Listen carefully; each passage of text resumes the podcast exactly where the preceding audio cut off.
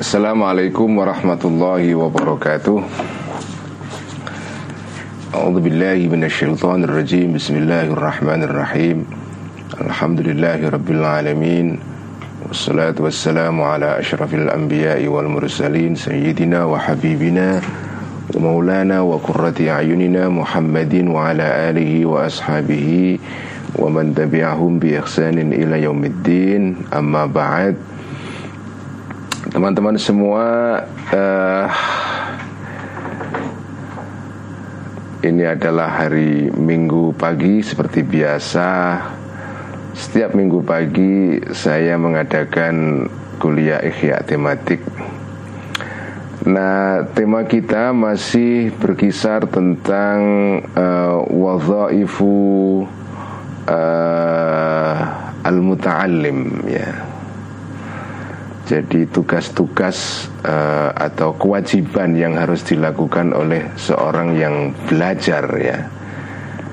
Uh, jadi ini bagian kitab Ihya yang saya ulas ini uh, memang terkait dengan metode belajar dan mengajar ya metode belajar dan mengajar.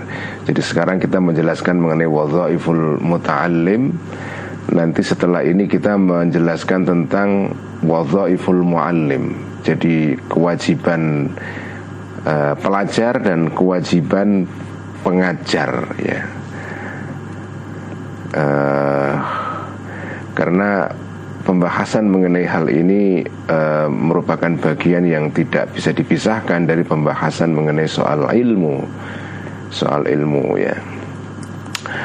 Uh, seperti kita ketahui teman-teman semua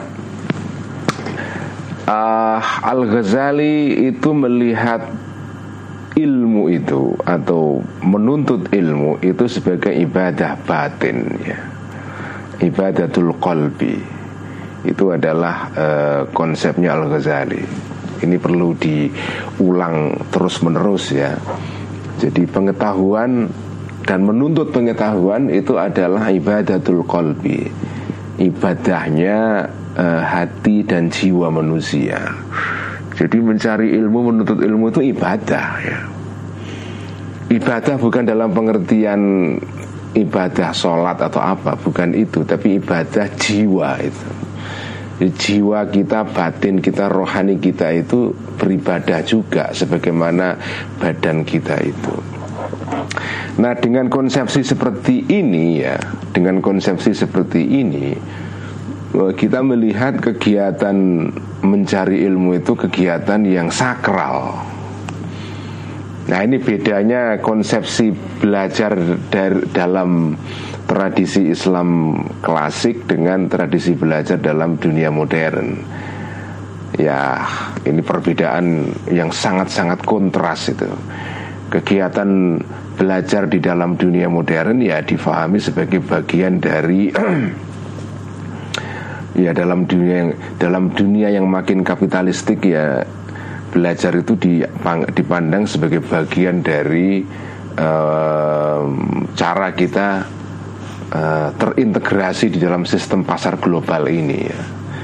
Jadi itu jalan melatih seseorang untuk masuk di dalam pasar kerja itu kan kalau di dalam konsep modern itu ada link and match ya. Ada keterkaitan antara ilmu dengan lapangan kerja ya. Ini semua tidak berarti link and match itu jelek ya, bukan. Saya ingin hanya menjelaskan saja perbedaan uh, konsep dan pemahaman antara zaman dulu dengan zaman sekarang itu. Zaman dulu zaman sekarang pengetahuan dan belajar pengetahuan itu dipandang sebagai uh, bagian dari pemenuhan pasar kerja itu.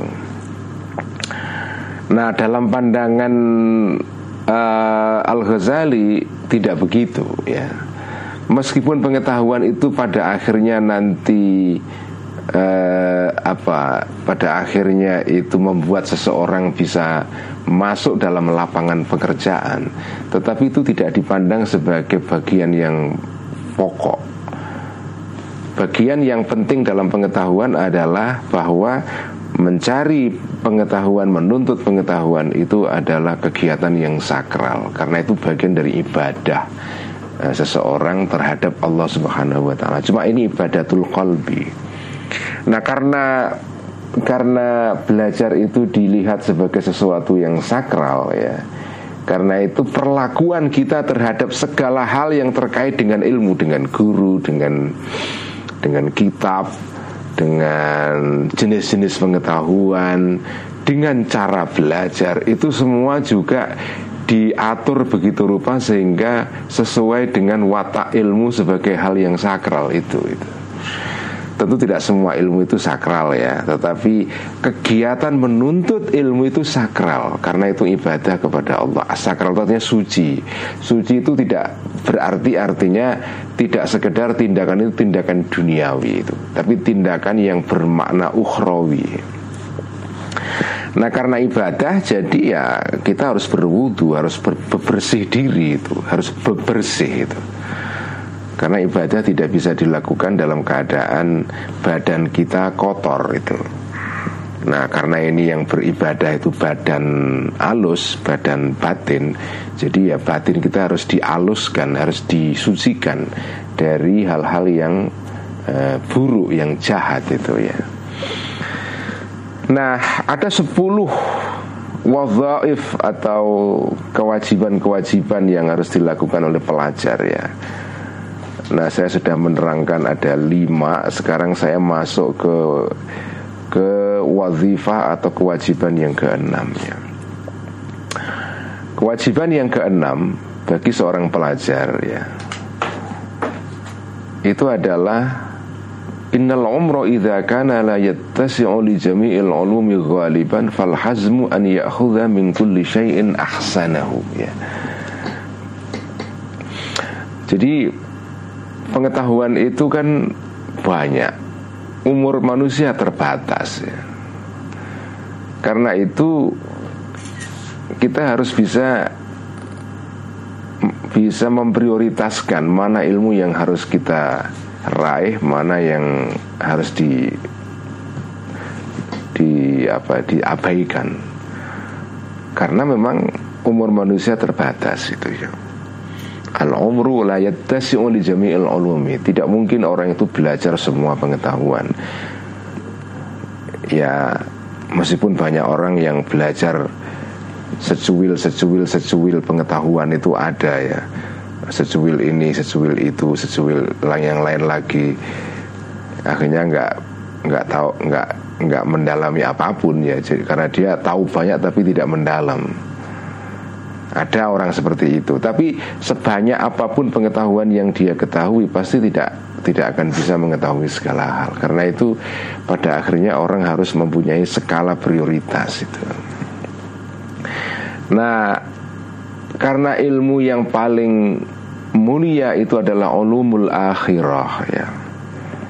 Maka kalau kita tidak punya waktu yang cukup untuk mempelajari semua hal dengan ini sibuk apa ya ya membut gawe atau bekerja menafkahi keluarga dan segala macam. Jadi nggak punya waktu yang banyak ya. Dengan ini harus ngantor harus ke pasar harus ke sawah harus macam-macam. Jadi nggak ada waktu untuk belajar sesuatu yang macam-macam. Nggak ada kemewahan waktu Nah kalau jenengan berada pada situasi itu Seperti saya duga ini sebagian teman-teman yang ikut ngaji Ikhya ini saya kira sebagian itu ya. Jenengan ini kan tidak seperti mahasiswa yang memang sengaja kuliah atau belajar atau mondok di pesantren terus. Apa ya jungkung dalam bahasa pesantrennya itu. Jungkung itu artinya konsentrasi penuh untuk pengetahuan untuk belajar. Kan enggak situasi teman-teman yang ikut ngaji ya ini kan situasi orang yang sudah sudah waktunya itu terbuking itu ya. terbuking untuk hal-hal yang di luar pengetahuan ya. Jadi ngaji ini ya sambil lalu saja itu ya. Sambil lalu pun sambil tiduran sambil nah ini kan enaknya ngaji online kan gitu sambil tiduran ya kadang ya tidur beneran itu ya Nah, karena itu kita harus memprioritaskan ilmu yang paling berguna untuk kebahagiaan dunia dan akhirat itu. nah, ilmu yang seperti itu adalah ulumul akhirah. Ulumul akhirah itu apa? Ilmu, ilmu batin. Ini yang menjelaskan kenapa orang-orang tua di kampung dulu saya masih ya apa ya menangi atau melihat kiai-kiai saya di daerah di kampung dulu. Kalau ngaji untuk orang-orang tua itu ya sudah ngaji ulumul akhirah. Bukan ngaji nahwu, sorof, usul fikih, fikih. Itu enggak karena waktunya enggak cukup. Mereka harus ke sawah setiap hari. Enggak ada waktu. Ngaji pun seminggu juga paling beberapa ya sejam pun nggak ada itu. Nah kalau orang pada berada pada situasi seperti itu maka carilah pengetahuan yang paling berguna yaitu ulumul akhirah itu. Ilmu tentang bagaimana melakukan apa namanya melakukan uh, apa penyucian hati mengatur hati kita itu ya supaya sikap kita kepada hidup ini tepat itu. Itulah ulumul akhirah itu. Supaya ya ya karena memang memang ilmu yang dibutuhkan tuh ilmu itu kalau untuk orang-orang yang sudah sibuk itu. Makanya tasawuf itu menjadi penting tasawuf itu menjadi penting karena itu ilmu yang langsung berurusan dengan bagaimana kita mengatur hati kita, sikap kita kepada hidup, kepada orang lain, bagaimana mengatur eh, gerak-gerik kita, akhlak kita. Itu yang paling diperlukan itu Karena kalau ilmu itu sudah dikuasai Itu kita menjadi warga negara yang baik Warga masyarakat yang baik Hamba Allah yang baik Dia menjadi good citizen in every sense ya. Dia menjadi warga yang baik dalam pengertian yang seluas-luasnya. Menjadi anggota masyarakat yang baik, menjadi kepala keluarga yang baik, menjadi apa namanya uh, karyawan yang baik, pegawai yang baik, anggota masyarakat yang baik, warga negara yang baik, warga dunia yang baik juga. Itulah namanya ulumul akhirah itu ilmu yang mendatangkan kebahagiaan dunia dan akhirat. Nah itu sumbernya memang dari batin manusia. Dari batin manusia itu. Kalau batin kita itu sudah di manage ya Diatur begitu rupa Sehingga kita bisa menentukan sikap yang tepat terhadap segala hal itu ya. Itu kan dari hati Nah itu itu kita akan jadi manusia yang asyik gitu. Makanya tujuan Islam itu paling tinggi itu adalah ihsan kan. Ihsan itu menjadikan kita ini manusia yang indah, a beautiful person. Manusia yang atau seseorang sosok yang menarik indah ya. Diajak ke kancan juga enak, diajak persahabatan juga enak ya. Tidak jengkelin gitu loh tidak menjadi orang yang jerk ya. Apa itu orang yang jengkelin itu. Itulah tasawuf itu. Makanya ngaji tasawuf itu memang sangat dianjurkan bagi orang yang sibuk yang tidak punya waktu untuk ngaji ilmu-ilmu yang lain ya. Nah itu yang harus diperhatikan. Karena itu ilmu yang menjadi menjadi uh, yang menjadi sebab kita menjadi instrumen menjadikan manusia-manusia yang baik itu ya. Jadi itulah ulumul akhirah ya.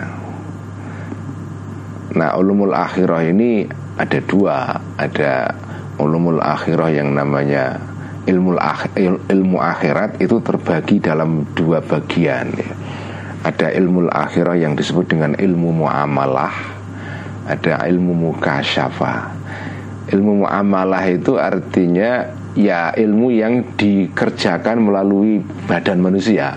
Belajar tentang bagaimana mengatasi hasut seperti yang kita pelajari dalam pengajian ihya. Yang terakhir ngaji ihya secara tekstual itu ya. Itu kan kita belajar bagaimana cara mengatasi marah, mengatasi eh, dengki, hasut ya dan seterusnya. Uh, itu kan ilmu muamalah namanya karena ilmu yang dikerjakan dengan dengan organ atau tubuh manusia. Cuma kalau ilmu mengenai cara mengatasi hasad itu ilmu yang diamalkan melalui tubuh halus ya, tubuh yang tidak kelihatan yaitu hati. Tapi itu ilmu muamalah, ilmu yang yang yang ada aspek praktisnya itu namanya ilmu muamalah ilmu yang yang terapan itu ilmu muamalah ya baik terapan itu terapan diterapkan melalui anggota badan lahir seperti cara berwudu, sholat, haji, cara berdagang dan seterusnya itu ilmu muamalah yang zahir. Ada ilmu muamalah yang batin yaitu ilmu yang dikerjakan melalui anggota badan yang tidak terlihat yaitu hati manusia. Itu dua-duanya ilmu muamalah. Nah ilmu ilmu ulumul akhirah ilmu akhirat itu tadi itu ada dua bagian ada ilmu muamalah yang ya ilmu muamalah yang batin. Kalau ulumul akhirah itu ilmu muamalah yang batin. Karena kalau ilmu muamalah yang zahir itu adalah cara berwudu dan seterusnya itu. Ya ilmu-ilmu yang terkait dengan beribadah zahir. Nah, kalau ulumul akhirah itu itu adalah ilmu muamalah yang batin yaitu cara bagaimana kita membersihkan jiwa manusia dari kotoran-kotoran yang kotoran-kotoran ini kalau menetap dalam diri kita itu membuat diri kita ini menjadi seperti anjing yang agresif itu.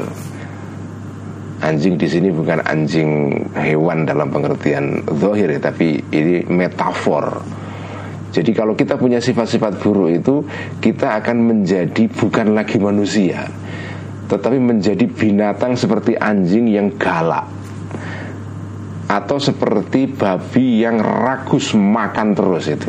Ada dua parabel atau metafor dalam ikhya itu yaitu anjing dengan sifat-sifat keanjingan yang yaitu sifat-sifat agresif. Ada eh, sifat eh, babi atau celeng ya dengan sifat-sifat kecelengannya. Apa itu? Yaitu kita mengkonsumsi sesuatu tanpa batas. Nah, kalau manusia menjadi manusia seperti ini itu tidak menarik sama sekali. Saya merusak alam juga, merusak alam itu. Kalau jenengan merosot atau kehilangan kemanusiaan, jenengan tidak lagi manusia, tapi menjadi anjing dan celeng, itu itu betul-betul merusak kehidupan sosial dan habitat manusia ini. Nah ulumul akhirah itu ilmu yang mengendalikan kita supaya tidak merosot menjadi dua binatang tadi itu Anjing dan celeng itu Jadi ulumul akhirah itu ada dua bagian Ulumul, ulumul akhirah berupa ilmu muamalah.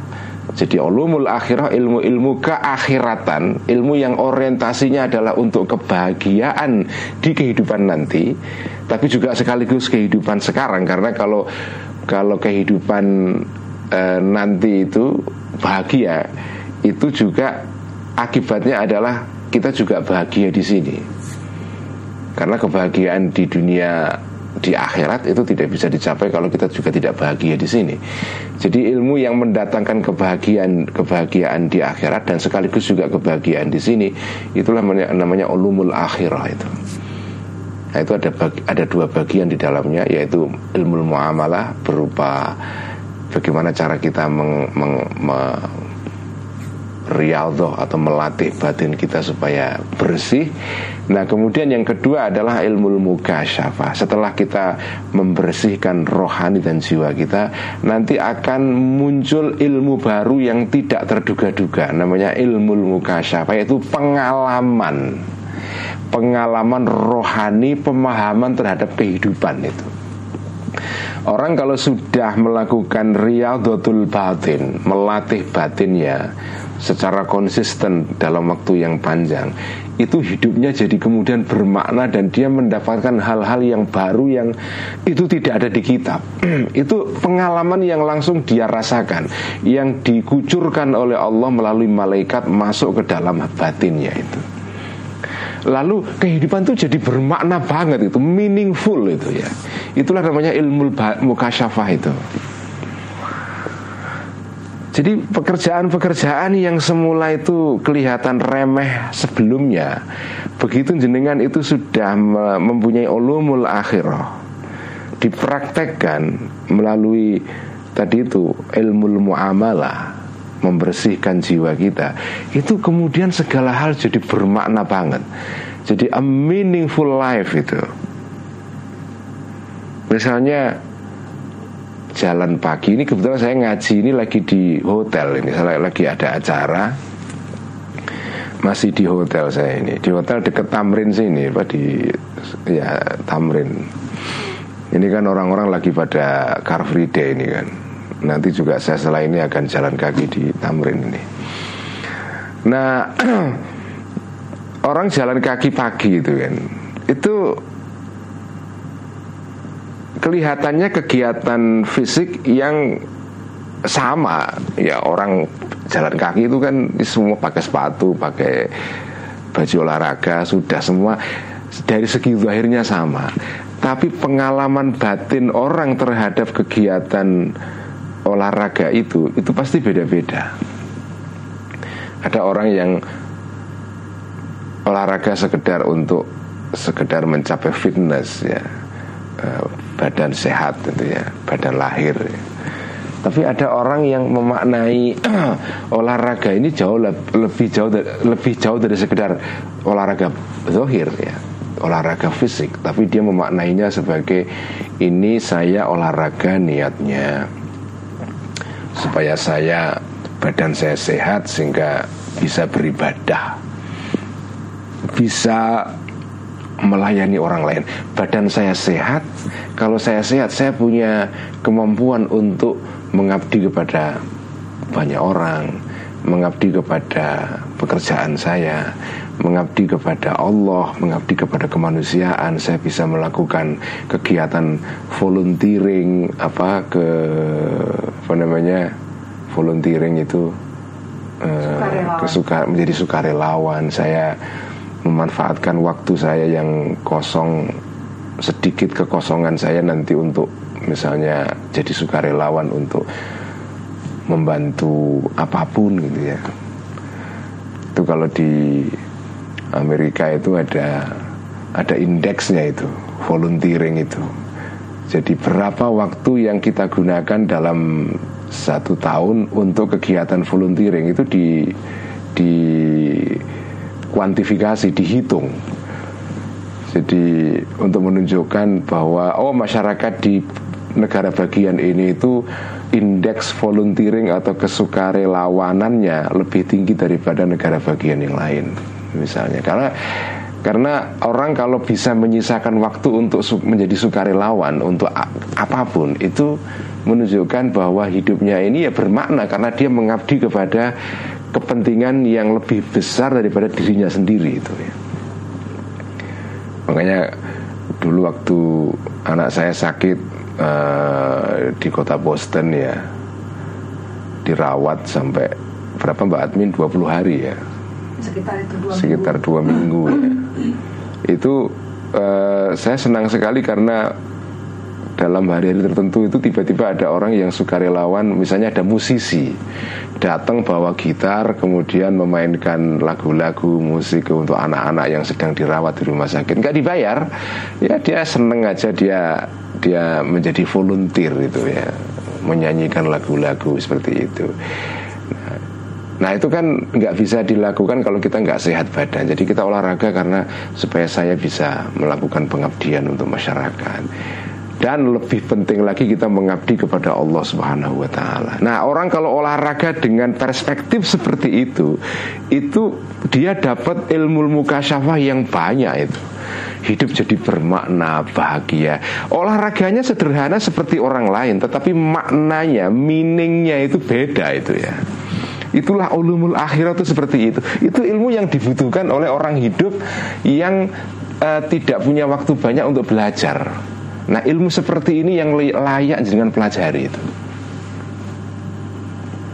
Mas Mas Fauzi ya Mas Agus Fauzi misalnya. Ini kalau lagi ngaji misalnya Mas Agus Fauzi dari Chile ya. Maksudnya Cilegon ya. Nah itu kan sibuk itu kerja di perusahaan listrik apa nggak ada waktu lah untuk belajar macam-macam baca ya seadanya saja Nah ilmu yang seperti ini yang paling penting dipelajari oleh orang-orang yang seperti Mas Agus Fauzi itu Dalam situasi dia tidak punya banyak waktu, tidak punya kemewahan waktu Ilmu seperti ini yang layak dipelajari karena ilmu, karena hidup manusia atau umur manusia nggak panjang, nggak cukup untuk belajar segala hal itu.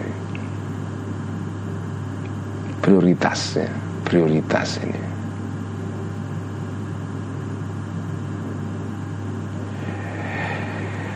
Kemudian uh, ah ini ada satu kutipan yang menarik sekali dari dalam kitab Ihya dari seorang hakim atau orang seorang bijak dari filosof ya. In ahsanta kulla syai'in fala tadhunnanna annaka ahsanta syai'an hatta ta'rif Allah Ta'ala wa ta'lama annahu musabbibul asbabi wa mujidul asya'i. Jika kamu itu menguasai pengetahuan tertentu atau menguasai banyak jenis-jenis pengetahuan dan menguasai keterampilan-keterampilan tertentu ya. Jika kamu itu mampu menguasai suatu pengetahuan, menguasai sejumlah keterampilan, kamu jangan menyangka bahwa kamu itu sudah menguasai sebelum kamu menyadari punya pengetahuan bahwa kamu pertama kamu mengetahui tentang Allah Subhanahu wa taala, kenal Allah dan mengetahui bahwa Allah ini adalah fondasi dari segala yang ada ini. Musabbibul asbab. Allah itu adalah yang menyebabkan segala hal ini terjadi. Ini kutipan dari seorang filosof, seorang hakim bijak dari zaman dulu ya. Jadi jenengan ini tidak bisa disebut sebagai orang yang berpengetahuan kalau jenengan tidak mengetahui bahwa segala hal ini disebabkan oleh Allah itu. Jadi oh, bolehlah jenengan menguasai fisika, kimia, biologi, matematika, ilmu bisnis, sejarah, antropologi, ilmu agama dan segala macam. Tapi jenengan di balik itu semua harus punya pengetahuan dasar yaitu bahwa Allah itu penyebab segala hal ini. ini juga ini ini ilmu urip ya, ilmu hidup sederhana tapi betapa pentingnya ilmu ini. Dengan kerja di pabrik, di pabrik assembling mobil atau apa di perusahaan pertanian, monggo silakan itu bagus semua. Tapi jenengan tidak bisa disebut sebagai orang yang berpengetahuan beneran, punya ilmu beneran, punya keterampilan beneran sebelum jenengan ngerti bahwa di balik ini semua itu Allah Subhanahu wa taala. Karena ada orang itu yang tenggelam dalam ilmu pengetahuan yang dia geluti, yang dia asyiki sampai dia lupa bahwa di balik ini semua, di balik ilmu-ilmu semua ini itu ada sesuatu yang menyebabkan ilmu ini ada menjadi penyebab ini semua ada itu yaitu Allah Subhanahu wa taala. Karena sekali lagi ilmu yang paling di paling dipuji dalam kitab Ihya ini ulumul akhirah memang. Ulumul akhirah itu tidak berarti ilmu agama, enggak.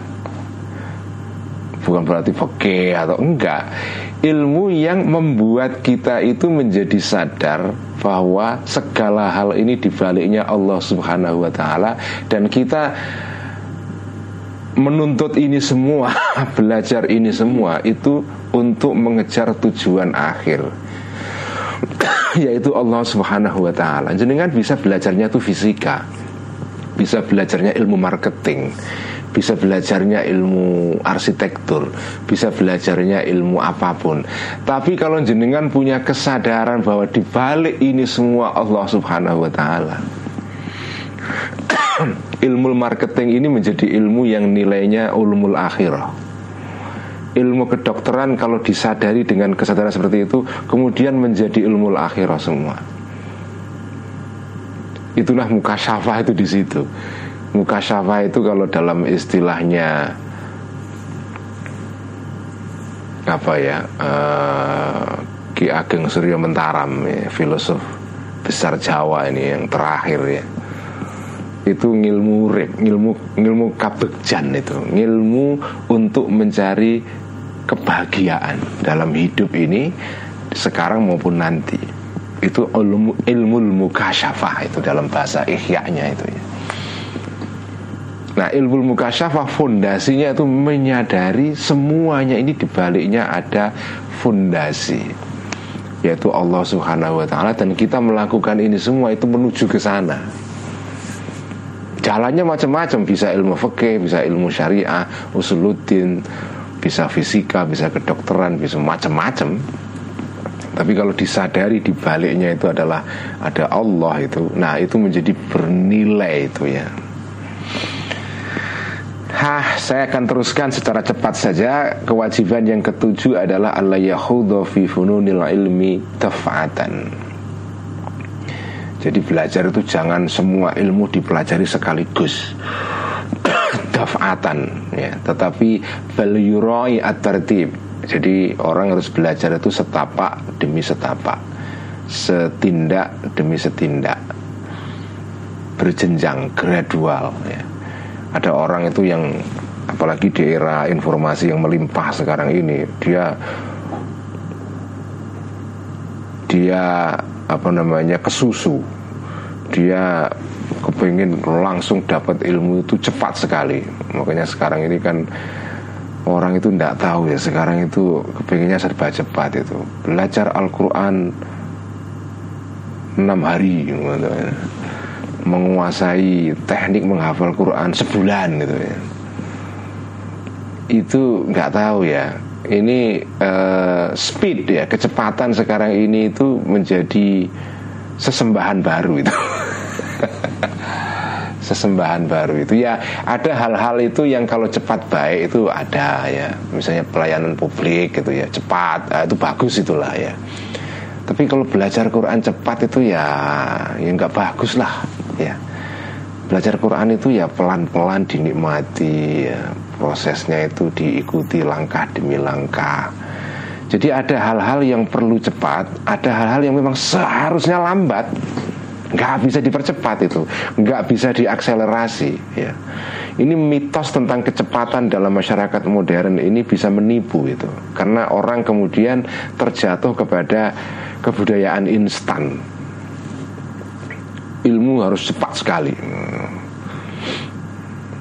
Ya hasilnya ya ndak karu-karuan ya kayaknya mediokrisi kesemenjanaan apa kesemenjanaan itu. Semenjana. Artinya ya apa tahu tapi sedikit itu nggak mendalam.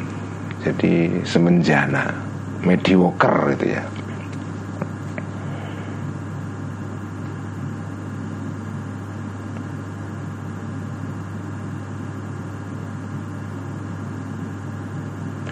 Nah ini di sini ada satu ajaran yang diajarkan Al Ghazali ya orang yang sedang belajar itu waliyakun qasduhu min kulli ilmin yataharrahu at-taraqqiya ila ma fawqahu. Jadi belajar itu orang yang belajar ilmu tertentu atau bab tertentu dalam satu pengetahuan itu harus dari awal dia punya niat aku mempelajari ini nanti uh, bab ini nanti di, untuk mencapai bab berikutnya jadi mencari ilmu itu dengan perspektif seperti itu, kesadaran seperti itu. Jadi mempelajari ilmu pada level tertentu itu dia pelajari sebagai tangga nanti untuk mempelajari ilmu berikutnya.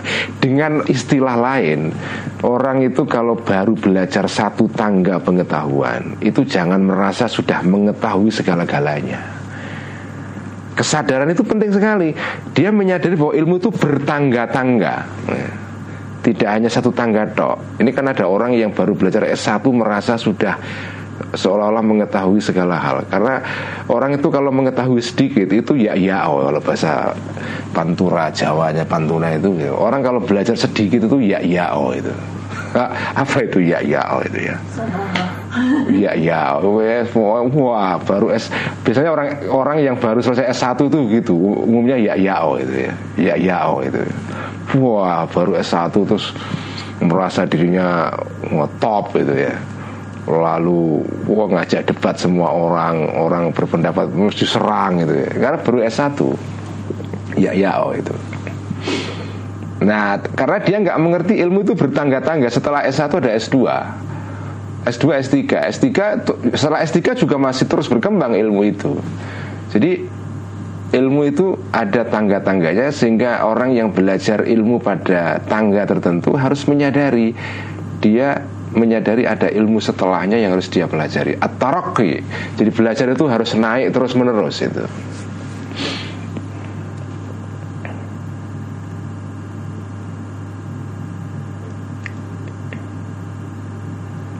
Nah kemudian kewajiban yang kedelapan adalah An ya'rifa sabab alladhi bihi yudraku syaraful ulumi ya.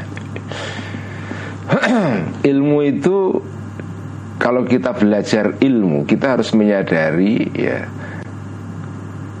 derajat ilmu itu ya atau sebab yang menjadikan ilmu ini punya nilai keunggulan, punya advantage ya, syaraf ya, punya keunggulan di atas yang lain.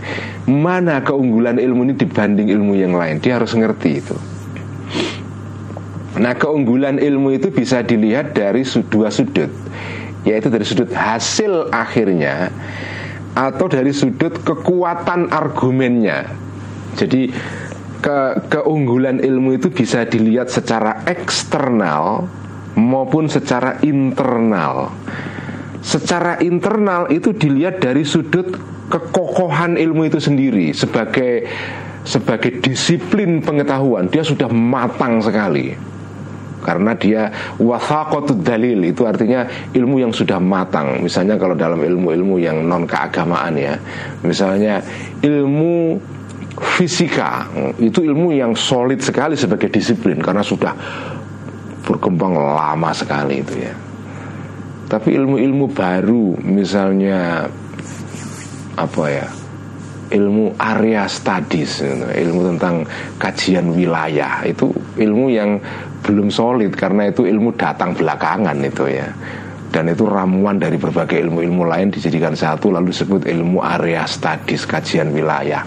Nah ilmu seperti ini itu ilmu yang dari segi kekokohan, kesolidan, soliditas eh, dalilnya itu kalah dibanding ilmu yang sudah muncul lama dan seterusnya. Jadi ilmu yang sudah solid, sudah stabil sebagai disiplin seperti ilmu nahwu, sorab itu lebih unggul daripada ilmu yang baru muncul belakangan yang masih muda umurnya baru ditemukan belakangan belum solid nah jenengan kalau mau belajar ilmu ya ya melihat itunya juga gitu loh. Oh ilmu ini lebih solid ini ya.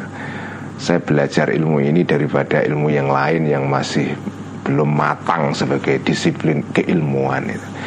Atau secara eksternal yaitu keunggulan dilihat dari segi luarnya yaitu apa? Akibat atau buahnya ilmu itu dampaknya ya.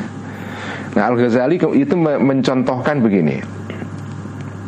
Contohnya Al Ghazali itu selalu memang kedokteran itu ya ada ilmu agama dan ilmu kedokteran karena ilmu agama itu ilmu kedokteran batin ilmu kedokteran itu ilmu kedokteran lahir itu ya Nah, ilmu kedokteran lahir dan ilmu kedokteran batin ini itu kalau dibandingkan uh, satu dengan yang lain, itu ilmu kedokteran batin, ilmu kedokteran akhirat itu lebih utama daripada ilmu kedokteran dunia itu.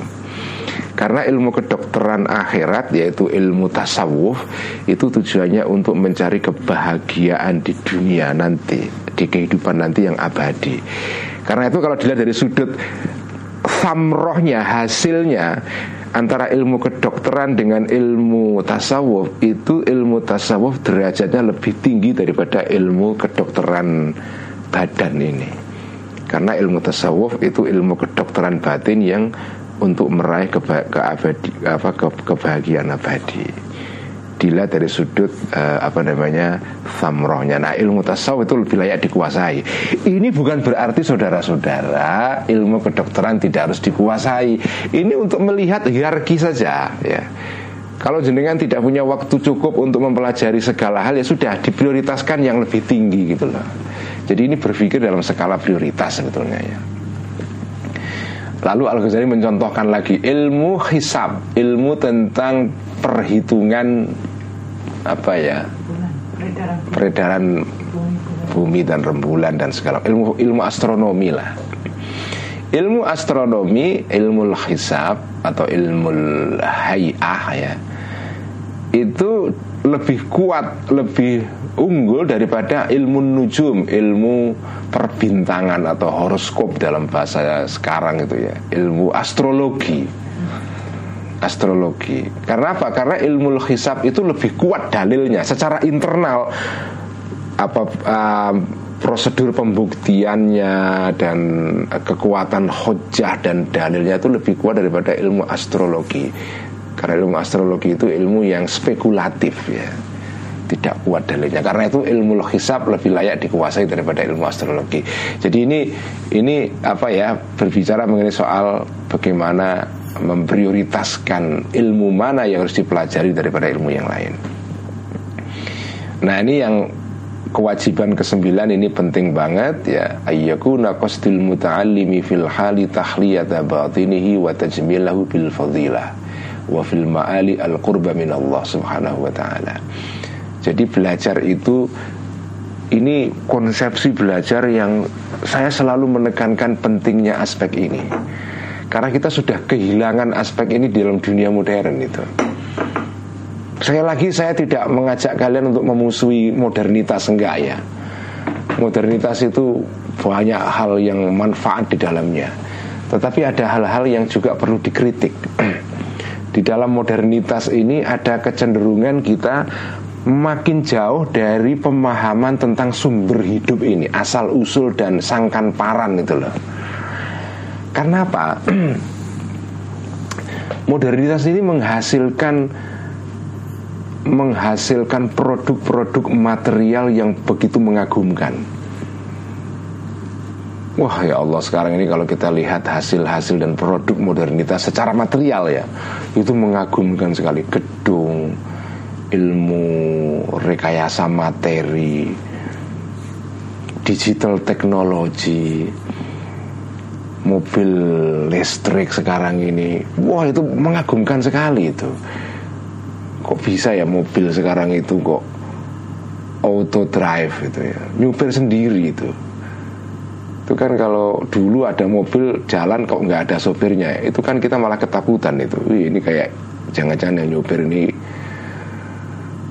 genderuwo ini ya. Makhluk gaib itu ya. mobil bisa menyupir sendiri parkir sendiri itu ya. Artificial intelligence. Wah itu ya Allah itu itu luar biasa. Perkembangan-perkembangan pengetahuan dan produk-produk pengetahuan sains dalam modernitas itu. Nah ini semua kehebatan modernitas itu Saudara-saudara Itu bisa membuat orang lupa bahwa di balik ini semua Allah Subhanahu wa taala. Membuat orang lupa seolah-olah nggak penting itu Allah dimensi sakral itu nggak penting. Makanya sekarang ini ada namanya tendensi atau gejala new atheisme itu karena itu antara lain ya orang terpukau dengan hasil-hasil modernitas seolah-olah ini semua sudah cukup ini. Modernitas itu sudah menyelesaikan segala-galanya.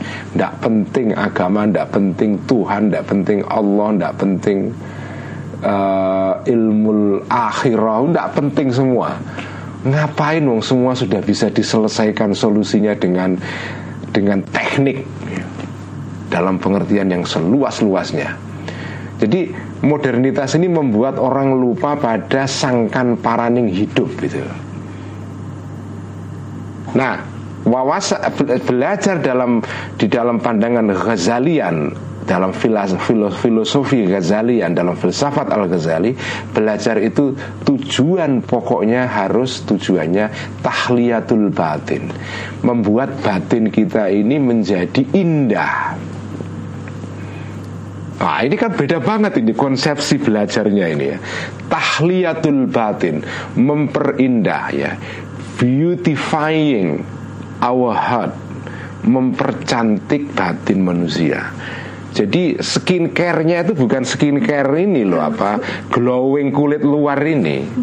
Ini kan skincare ini lagi jadi pembicaraan apa netizen di mana-mana ya. nggak tahu orang Indonesia ini kok kepinginnya kelihatan putih gitu ya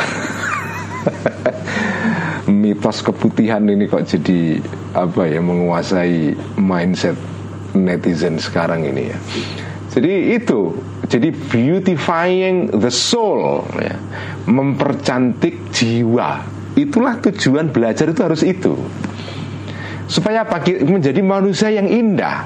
Karena kalau sudah menjadi manusia yang indah itu asik itu. Jenengan jadi birokrat juga asik ya. Jenengan menjadi uh, apa itu dosen juga asik menjadi kiai karena ada juga kiai tapi yang batinnya tidak indah juga ada lahirnya dia kiai tapi batinnya tidak indah ada seorang yang belajar menjadi periset dalam ilmu-ilmu yang kelihatannya nggak ada label agamanya ilmu fisika, tapi batinnya indah. Ya itu lebih bagus fisikawan yang batinnya indah daripada kiai yang batinnya tidak indah. Tahliyatul batin itulah kewajiban belajar itu tujuannya itu. Yang terakhir saudara-saudara adalah an ya'lima an ya'lama nisbatal ulumi ilal maqsad ya. Jadi ilmu jenengan ketika belajar itu harus mengerti relasi hubungan ilmu dengan tujuan akhir. Tujuan akhir manusia itu hidup untuk mencari kebahagiaan yang abadi di akhirat Allah Subhanahu wa taala.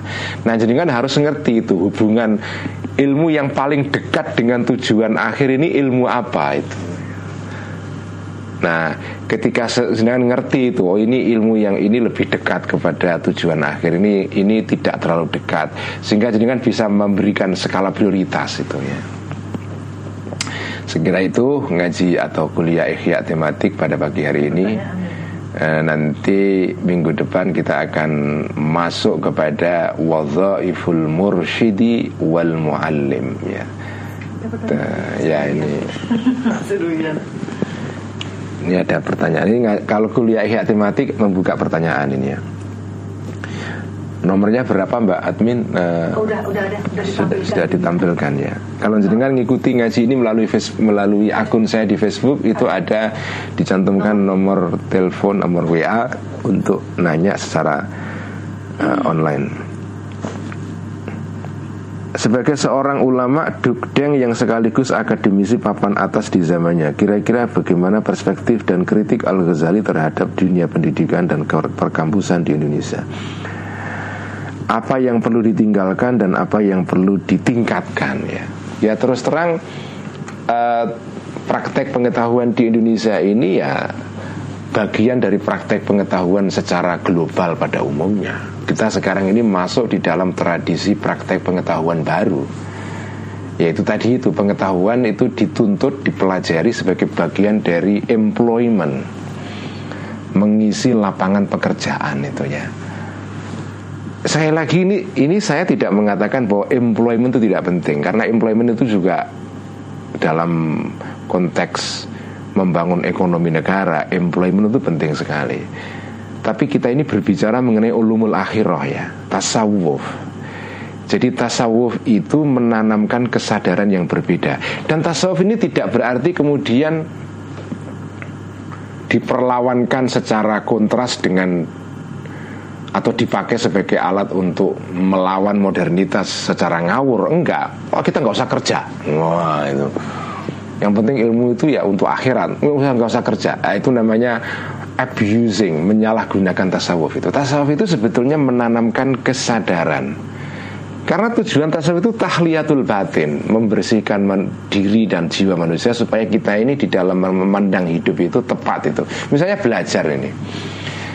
Oke, ada kebutuhan untuk employment, mengisi tenaga kerja untuk meningkatkan GDP negara kita, produk apa nasional kita itu. Kalau GDP naik per kapita naik. Per kapita naik kesejahteraan warga negara naik. Ya, oke itu penting Tapi kalau kita melihat dari sudut ulumul batin, ya, ilmu tasawuf, kita harus punya kesadaran lain. Oke, okay, employment itu penting, tetapi yang lebih penting lagi adalah kesadaran bahwa ini semua kita lakukan belajar ini tidak semata-mata untuk itu. Ini loh kesadaran seperti ini yang penting. Jadi menanamkan kesadaran tentang bahwa pengetahuan kita tuntut sebagai ibadatul qalbi Nah saya tidak ngerti bagaimana cara memasukkan ini ke kurikulum. Menurut saya nggak usah dimasukkan. Nggak usah dimasukkan karena ini ilmu ilmu seperti ini kan ilmu kabegjan itu ya dipelajari secara langsung melalui kayak ngaji begini itu ya. Karena nggak bisa dipaksakan juga. Kalau di kurikulum kan nanti merosot nilainya menjadi sekedar hanya kewajiban kurikulum saja jadi kurikulum itu tugas pokoknya ya sudah lah menjamin orang belajar gitu saja. Tapi kesadaran tentang seperti ini, seperti yang diajarkan kitab Ihya ini, ini memang perlu diajarkan secara khusus memang. Makanya metodenya tidak melalui diwajibkan pemerintah mewajibkan ngaji Ihya, anda itulah. Malah justru nanti Ihya merosot nilainya kalau diwajibkan ngaji Ihya oleh negara itu. Tapi ini ya melalui anu, melalui melalui kegiatan yang sifatnya apa ya secara sukarela begini dengan ngaji sendiri belajar tentang al ghazali ingin ada kesadaran tentang ilmu-ilmu seperti ini tidak sebagai ilmu yang dipelajari secara verbal tapi diamalkan. Jadi bagaimana memasukkan filosofi ihya ke dalam segala aspek kehidupan itu mau belajar fisika, ilmu marketing, ilmu ini, ilmu itu, tapi dengan kesadaran ihya. Dan itu tahliyatul batin itu kesadarannya. Nah, kalau sudah begitu baru ihya ini seperti nafas yang menafasi aspek-aspek ilmu-ilmu yang beragam itu ya. Itulah filosofi yang saya bayangkan ya bukan diajarkan melalui kurikulum itu enggak itu. Malah itu justru karena kalau sesuatu itu sudah dikurikulumkan itu merosot menjadi sekedar kewajiban saja. Tapi tidak merupakan kesadaran itu ya. Kesadaran ini harus diajarkan oleh guru oleh apa ya mentor yang oleh mursyid ya.